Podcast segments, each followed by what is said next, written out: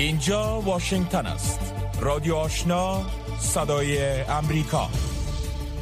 شنوندگان عزیز سلام. ژیلا سمیستم میزبان برنامه امروز دوشنبه نهم ماه سال 2022 میلادی از رادیو آشنا صدای امریکا. در این برنامه گزارش ها و مصاحبه های را در ارتباط به وضعیت جاری در افغانستان و جهان خواهید شنید. اما قبل از همه توجه نمایید با آخرین اخبار افغانستان و جهان. ولودیمیر زلنسکی رئیس جمهور اوکراین روز یکشنبه گفت که در بمباران یک مکتب در منطقه لوگانکس در شرق اوکراین در آخر هفته گذشته 60 غیر نظامی کشته شدند. زلنسکی در جریان سخنرانی در اجلاس جی از طریق ویدیو کنفرانس گفت که این افراد در روستای بیلو گورویوکا در ساختمان یک مکتب پنهان شده بودند که مورد حمله هوایی روسیه قرار گرفتند سریگی گدای والی لوگانکس به شبکه تلویزیونی روسی زبان کرنتاین تیوی گفت که گلوله در بیلو گرویوکا جریان دارد و جنگ از صبح ادامه دارد. اوایل یکشنبه گیری گفته بود که 90 نفر در زمان وقوع حمله در محل حضور داشتند که 27 نفرشان نجات پیدا کردند. امدادگران به دلیل تعدید حملات جدید نتوانستند یک شبه کار کنند اما کار خود را از روز یکشنبه از سر گرفتند. در خبر دیگر قصر سفید گفت که دور تازه تحریم ها بر روسیه وضع می شود که بر دو بخش عمده تمرکز خواهد داشت. رسانه ها و دسترسی شرکت ها و سرعتمندان روسیه به خدمات محاسباتی و مشورتی ایالات متحده ایالات متحده کانال یک تلویزیون روسیه و تلویزیون ملی آن کشور را که مهمترین شبکه های نشراتی بازار اسام روسیه است تحریم کرده است و تمام شرکت های امریکایی از تمویل این دو رسانه از طریق نشر اشتهارات یا فروش تجهیزات به آنان منع شدند. همچنین بر اساس تحریم های جدید واشنگتن بر مسکو نهادهای مشورتی مالی و محاسباتی امریکا از ارائه خدمات به همگان در فدراسیون روسیه منع شدند این مقام قصر سفید گفته است که روسیه از این خدمات احتمالا برای گریز از تحریم ها یا درآمد غیر قانونی سود خواهد جست. ایالات متحده همچنین صدور محصولات امریکایی را به روسیه منع کرده است که طیف از کالاها به شمول ابزار سنگین مثل بلدوزر دستگاه های و بخار و مرکزگرمی شامل آن می شود به همین ترتیب ایالات متحده روز یکشنبه اعلام کرد که محدودیت های ویزه را بر 2600 مقام روس و بلاروسی وضع کرده است. جاستین ترودو صدازم کانادا روز یکشنبه در جریان سفرش با اوکراین که با ولادیمیر زلنسکی رئیس جمهور اوکراین دیدار کرد گفت که ولادیمیر پوتین رهبر روسیه مسئول جنایت های جنگی است. ترودو پس از نشست گروه هفت با حضور رئیس جمهور اوکراین گفت که باید پاسخگویی وجود داشته باشد. ترودو در اوایل روز از ایرپین در خارج از کیف. شهر که قبل از اشغال آن در ماه مارچ توسط مسکو ویران شده بود بازدید کرد. او به خبرنگاران گفت که از نزدیک شاهد بی‌رحمی جنگ غیرقانونی روسیه بوده است. در ایرپن نیز ده ها جسد با لباس های غیر نظامی مانند شهر بوچا بعد از خروج نیروهای روسی پیدا شده بود. ادامه اخبار از رادیو آشنا صدای امریکا رهبران کشورهای عضو جی هفت یا هفت اقتصاد بزرگ جهان با نشر اعلامیه گفتند که تهاجم بی جهت ولادیمیر پوتین رئیس جمهور روسیه بر اوکراین مایه شرمساری روسیه است در این اعلامیه که در پایان نشست مجازی رهبران جی اف نشر شد آمده است که روسیه مقررات بین المللی به ویژه منشور سازمان ملل متحد را که پس از جنگ جهانی دوم تهیه شد تا نسلهای بعدی را از بلای جنگ در امان نگه دارد نقض کرده است. در اعلامیه این اف کشور یعنی ایالات متحده فرانسه کانادا آلمان ایتالیا ژاپن و بریتانیا آمده است. ما در عزم خود برای اینکه رئیس جمهور پوتین نباید برنده جنگ علیه اوکراین شود متحد باقی میمانیم. این هفت کشور متعهد شدند که اتکا به منابع انرژی روسیه را کاهش داده و از واردات انرژی از روسیه پرهیز خواهند کرد. اما دقیقا مشخص نشده است که در این زمینه هر کشور چی اقدام را اتخاذ خواهد کرد.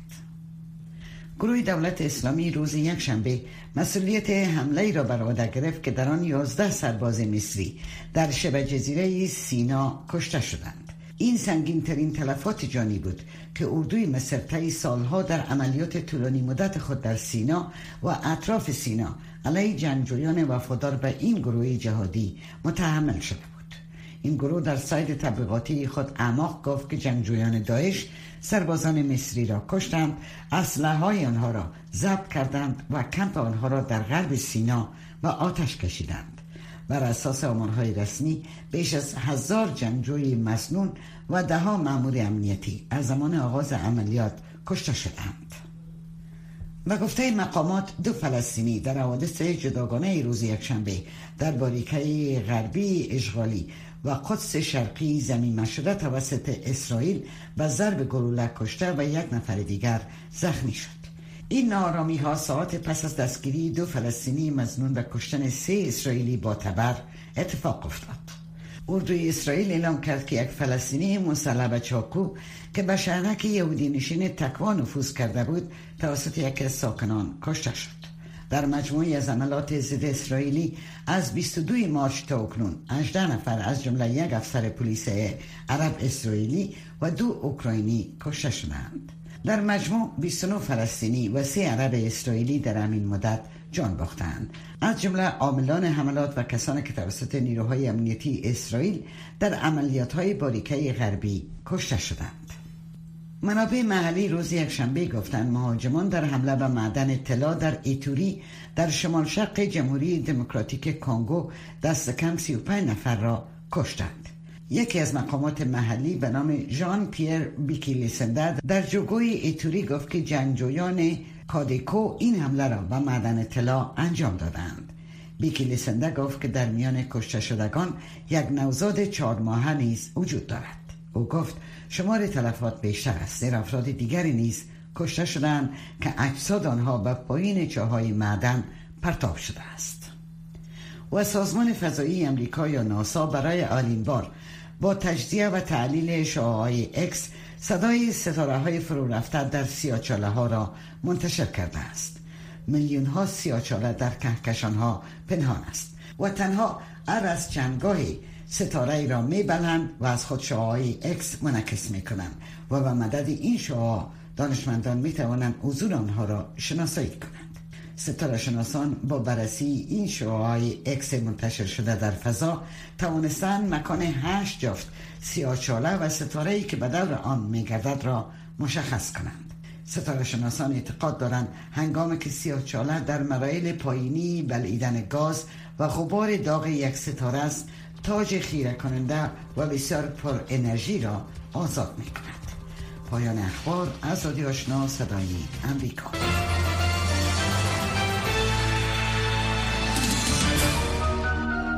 هفت روز هفته با رادیو آشنا صدای امریکا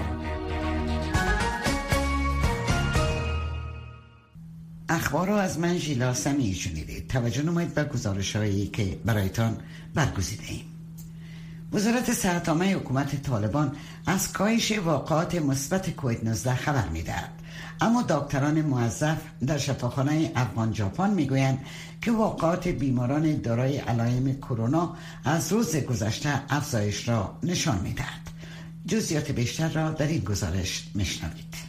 وزارت صحت عامه حکومت طالبان می‌گوید که در حال حاضر آمار بیماران مبتلا به کووید 19 نسبت به سه ماه اول سال روان میلادی کاهش چشمگیر یافته است.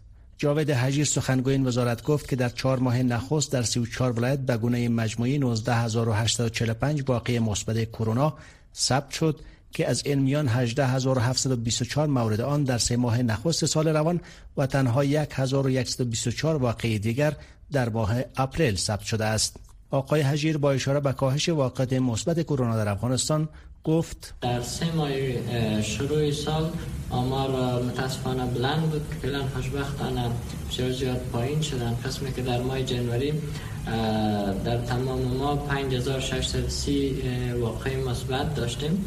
با 60 فوتی در ماه فبروری هم در حدود 10276 واقع مثبت داشتیم. با 184 فوتی. و در ماه مارچ هم در حدود 2818 واقع مثبت داشتیم با 45 فوتی همچنان آمار وزارت صحت نشان می‌دهد که در ماه اپریل 12 بیمار مبتلا به کووید 19 در افغانستان جان باختند. اما تجارب دکتران معذف در شفاخانه افغان ژاپن یگانه مرکز تداوی بیماران مبتلا به کووید 19 در پایتخت طور دیگر است. دکتر حشمت الله فیضی مسئول بخش عاجل شفاخانه به صدای امریکا گفت که نگران افزایش آمار بیماران مبتلا به کووید 19 هستند چون تجارب سالهای گذشته نشان داد که در این موسم سال آمار بلند می رود همچنان دکتر فیضی افزود که آمار بیماران مبتلا به کووید 19 پس از عید سعید فطر رو به افزایش است. مریض اوپیدی ما خود شده. خود جوانام هستند که میان ولی مریضای اکثرشون مریضای نیستن که بسترشان ولی واقعا اعراض علائم کرونا دارن.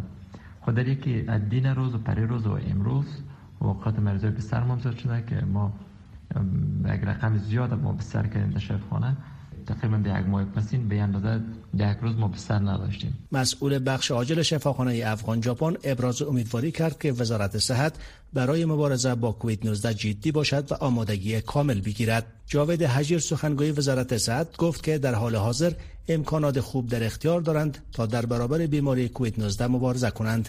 طوری که همکنون 17 مرکز برای این بیماری مختص شده است. و گفته دکتران معذف در شفاخانه افغان ژاپن به دلیل نبود امکانات تشخیص نوع اومیکرون کرونا بیشتر نتایج آزمایش بیماران که علائم کووید 19 را دارند منفی است.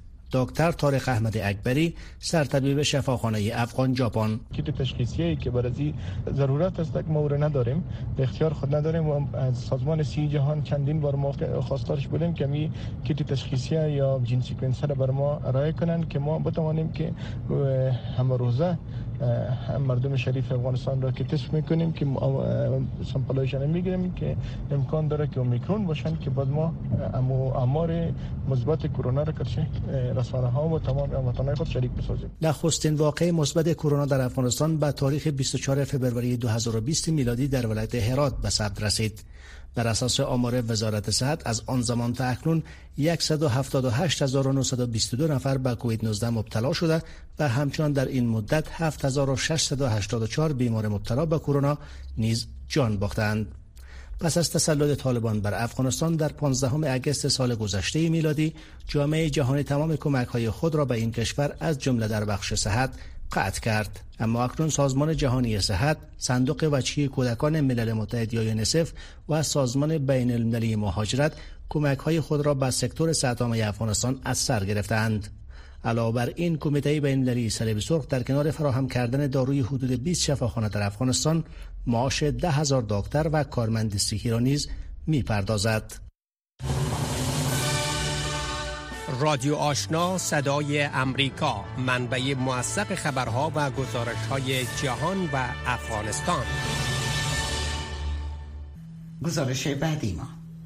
تری نیست بنیانگذار انستیتوت توانمندسازی اقتصادی زنان در ایالت اوکلاهوما می‌گوید شمار زنان تجارت پیشای افغان تلاش می کنند تا به کاروبار خود از خانه ادامه دهند و امیدوارند که به زودی دختران نوجوان افغان اجازه برگشت به مکتب را پیدا کنند.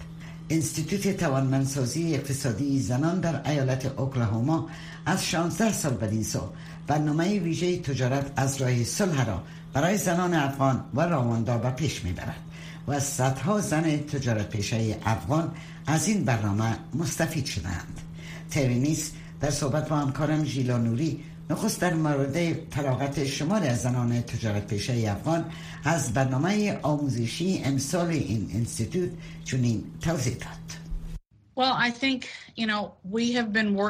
طوری که شما گفتید ما از 16 سال بعد این سو در افغانستان فعالیت داریم و ما اخیرا برنامه فراغت معسرین سال 2022 خود را داشتیم که در آن 21 زن افغان بعد از کار زیاد فارغ شدند. بسیار شاگردان خوبی بودند و منیژر وافق الکوزای نیز سنوف آنها را تدریس نمود که از سالها بدین سو همکاری می کند به نظر شما زنان افغان از برنامه آموزش مهارت های تجارتی انستیتوت در صورتی که طالبان به آنها اجازه کار ندهند چطور استفاده خواهند کرد؟ Um, how these women will really use these skills? I think there are some women that will به نظرم شماری از زنان هستند که از خانه تجارت می کنند و هنوز هم به کاروبار خود ادامه می دهند و دسترسی دارند. اما شماره دیگر ندارند که متاسف هستم ولی اکثر زنان می خواهند به کاروبار خود ادامه دهند. شما با زنانی که در برنامه انستیتوت شامل بودن صحبت می‌کردین. آنها چی می‌گویند که چطور این مهارت ها را در آینده استفاده خواهند کرد و شما از آنها چطور حمایت خواهید کرد؟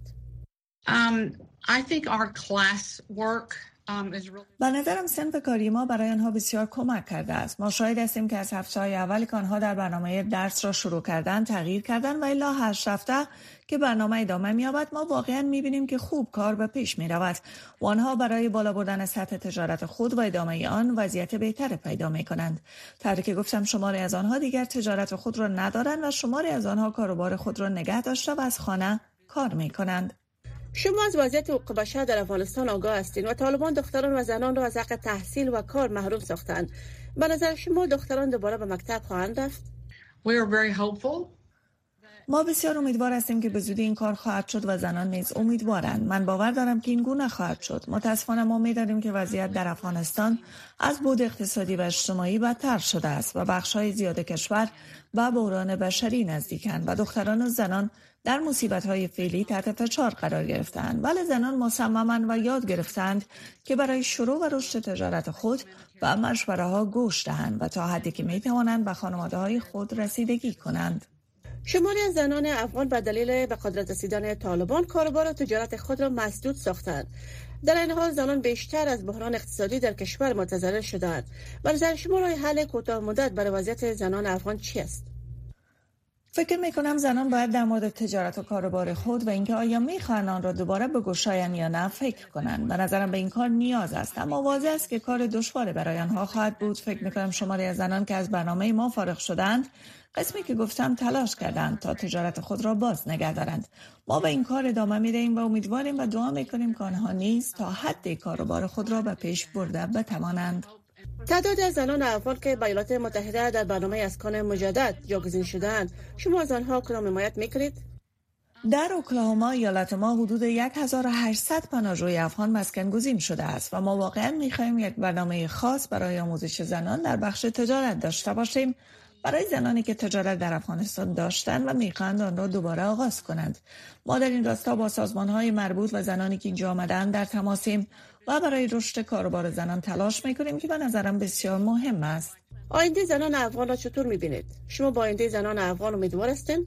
بله امیدوار هستم. با وجود اینکه واضحا شمار زیاد زنان افغان تجارت پیشه را در ایالات اوکلاهوما نداریم ولی تلاش می‌کنیم که شمار زیادی از زنان که اینجا آمدن و می‌خوان دوباره کاروبار خود را شروع کنند مشخص کنیم و اینکه اگر کدام کاروباری را شروع کردن و می‌خوان تجارت خود را از خانه داشته باشند که ما اکنون آن را نمی‌دانیم با آنها کمک کنیم. و جای افتخار خواهد بود که برای این تعداد از زنان جهت رشد تجارت و کاروبارشان در اینجا نیز کمک فراهم آوریم.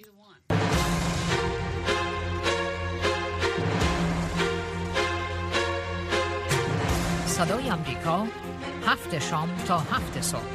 اف ام 185 و موج متوسط 1296 صدای ما را از رادیو آشنا صدای امریکا از استدیوهای مرکزی ما در واشنگتن میشنوید یک روز پس از حکم طالبان در مورد اجباری کردن هجاب برای زنان در افغانستان سرمنشی سازمان ملل متحد گفته است که این گروه باید و تعهدات خود در خصوص حقوق زنان و دختران افغان عمل کنند وزارت امر و معروف و نهی از منکر طالبان روز شنبه در یک حکم جدید از تمام زنان در افغانستان خواست که حجاب اسلامی را رعایت کنند. همکارم محمد احمدی در مورد این حکم تازه طالبان. مصاحبه با آقای بشیر احمد انصاری نویسنده استاد دانشگاه و مقام پیشین سازمان همکاری های اسلامی انجام داده است که به سمع شما میرسانیم. این سختگیری طالبان در قبال حجاب زنان آیا ربطی به قوانین در شریعت اسلامی دارد و حجابی که زنان افغانستان فعلا دارند چقدر در منافات با احکام اسلامی هست که طالبان یه حکم را صادر کردن؟ من حدود پنج سال مسئول بخش ارتباطات و گفتگوهای سازمان همکاری های اسلامی بودم و به چل کشور که بیشترش کشورهای اسلامی سفر کردیم. حجاب که ما در افغانستان لباس اسلامی که ما در افغانستان دیدیم. در هیچ کشوری از کشورها دیده نشده. التزامی که زنان مسلمان افغانستان به دین دارن در هیچ از حداقل از لحاظ ظاهری و از حیث لباس از لحاظ لباس. در هیچ کشوری ما ندیدیم. ما حدود پنج سال بسیار نزدیک به مکه و مدینه بودم. دو مکان مقدس مسلمان ها حتی در مکه و مدینه ما زنان به حجاب دیدیم اما در کابل هر بار که در کابل رفتیم تا هنوز یادم نمیه من در یاد نیست کدام زن به حجاب میره که کاملا به حجاب باشه دیده باشم خب از, از یک لحاظ. اما در تاریخ مسلمان ها در تاریخ در زمان پیامبر اسلام و تا زمان خلفای راشدین و تا حدی که من معلومات دارم از, از تاریخ مسلمان ها هیچ حکومتی نیامده که به خاطر مسئله بسیار خصوصی حجاب. مردم مجازات کنه حبس کنه و هیچ شواهدی در تاریخ مسلمان ها دیده نشده. مسئله حجاب یعنی حجاب یک امر واجب است. البته با استثنای روی پوشاندن روی هیچ دلیل ما در, در قرآن و در, در سنت و در در تجربه خلفای راشدین نداریم. اما هیچ کسی نیامده که به خاطر گناهان مانند حجاب گناه مانند دروغگویی مانند سخنچینی و امثال این گناه ها کسی را به زندان بندازه و محاکمه کنه. و گذشته از همه اینها که اما اقاربش به زندان بندازه و از کار منفک بسازه. این یک سابقه در تاریخ مسلمان نداره. بله آقای انصاری در عصر حاضر که زندگی اعضای خانواده متکی به اشتغال زن و مرد تحصیل و کار هست محدود ساختن زنان و در خانه نگه داشتنشان چه صدماتی بر جامعه از پیش آسیب دیده و جنگ زده افغانستان می‌تونه بگذارد؟ زنان قربانیان اصلی جنگ چل ساله افغانستان هستند. زنان هستند که اینمی بار جنگ و بار پیشبرد امور خانواده را به دوش می‌کشند. و ضعیفترین حلقه در جامعه افغانستان زن است. با این سیاستشان طالبا یک قشر بزرگی از جامعه را محروم می‌کند. از رزقشان از روزیشان. و طالبا مدعی هستند که ما به خاطر جلوگیری از فسادی کارم می‌کنیم. در حالی که قرآن کریم منطقش متفاوت است. قرآن میگه که الشیطان یعیدکم الفقر و یأمرکم بالفحشاء. فقر و فحشا و فساد و فتنه را با هم پیوند میده قرآن کریم. قبل از اینکه مسائل دیگر با, با فحشا و با فتنه پیوند میده. کاری که طالبان می‌کنن طالبان نه تنها در این عرصه بلکه طالبان معجون مرکب متاسفانه معجون مرکب از زشتی ها هستند. تقلب سیاسی بدویت فرهنگی تعصب مذهبی استبداد دولتی بله. انحصار مدیریتی آقای انصاری به عرض معذرت. اجتماعی از عناصر اصلی این عقدگرد بعض مذارت چون فرصت کم است. یک سوال می‌پرسم اگر پاسخش محبت بفرمایید کوتاه‌تر باشه. نقش کشورهای اسلامی که شما هم باش کار کردین در سازمان همکاری اسلامی چقدر می‌تونه بر رهبران طالبان فشار بیاره تا ای که اونها را باز بدارن یا دست بکشن؟ از این محدودیت ها بر زنان. متاسف طالبان فعلا در چنگ یک کشور از کشورهای اسلامی هستند. دیگه کشورها تاثیر زیاد بالای طالبان نداره. یگانه کشوری که می‌تونه بالای طالبان اعمال نفوذ کنه پاکستان است. طالبان یک گروهی است که با, با, با عرف و با عنانات بین المللی و با مسائل دیپلماتیک و با هیچ چیزی آشنا نیستند. و بهایش مردم مظلوم افغانستان می‌پردازند. یگانه کشوری که می‌تونه اینا را مهار کنه کشوری است که اینا را ایجاد کرده که او پاکستان است. خب یک پرسش دیگه هم همکارم اشاره کردن که فرصت هست که از شما بپرسم. چه فکر می‌کنن؟ حالا طالبان دنبال چی هستند با این سختی را بر علیه زنان؟ تنها بحث حجاب نیست بحث تحصیل هست کار هست و سایر فعالیت های اجتماعی است طالبان چی می‌خواهند؟ اینجا دو مسئله است. اولی که این باید یک سوسیولوژیست یک روانشناس باید دو سوال کنین چرا طالبان یک مشکلی با زنا دارن؟ مثلا اینا وقتی که وارد کابل شدن وزارت امور زنا را به وزارت امر و معروف و نهی از منکر تبدیل کردن که خودش یک حرکت نمادین بود.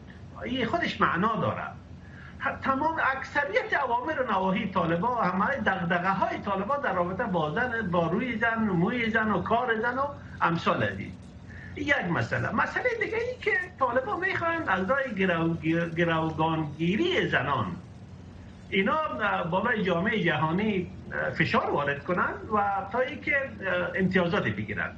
و در گذشته موفق بودن تا اندازه در چندین تجربه که ما داشتیم یا موفق بودن. حال هم می‌خوان که مردم خود گروگان بگیرن ضعیفترین قشر جامعه را گروگان بگیرن تا اینکه به امتیاز دست بیافن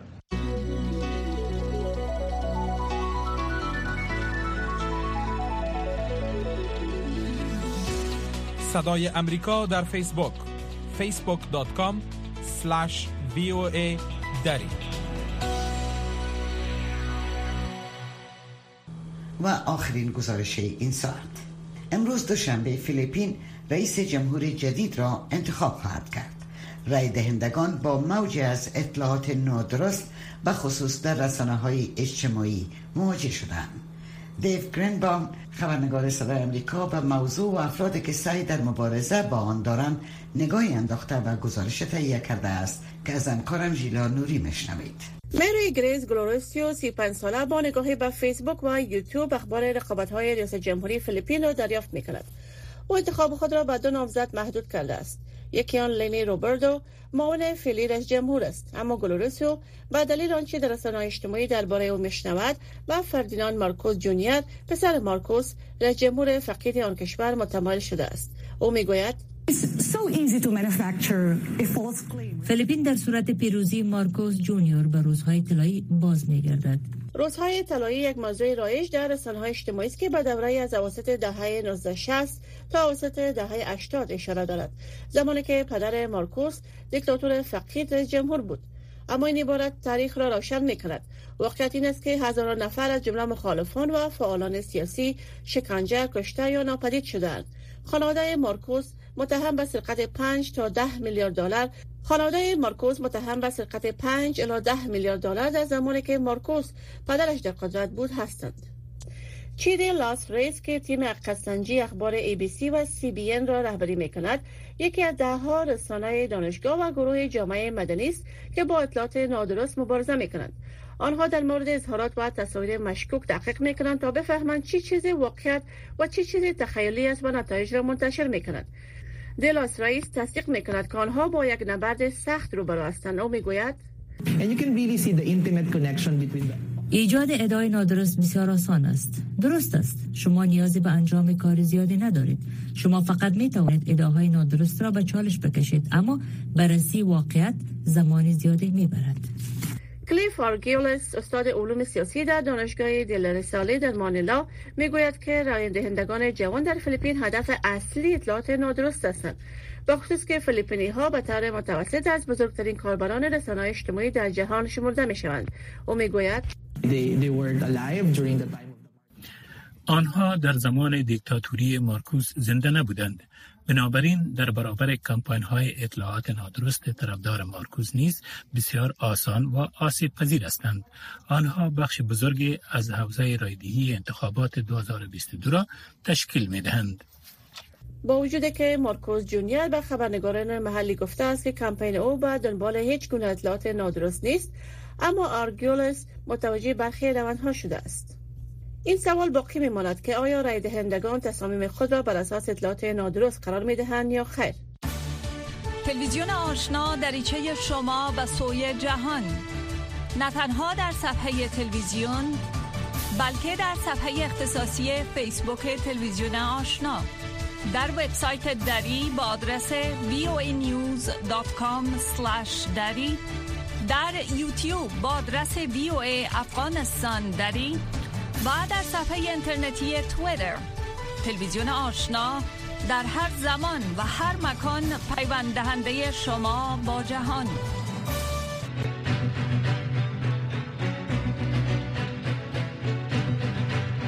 شنوندگان عزیز برنامه های صبحگاهی رادیو آشنا صدای امریکا از واشنگتن در اینجا به پایان رسید. رادیو آزادی از پراگ برنامه های خود را آغاز می کند تا هفت شما را به خدا می سپاریم روز خوش را در پیش داشته باشید.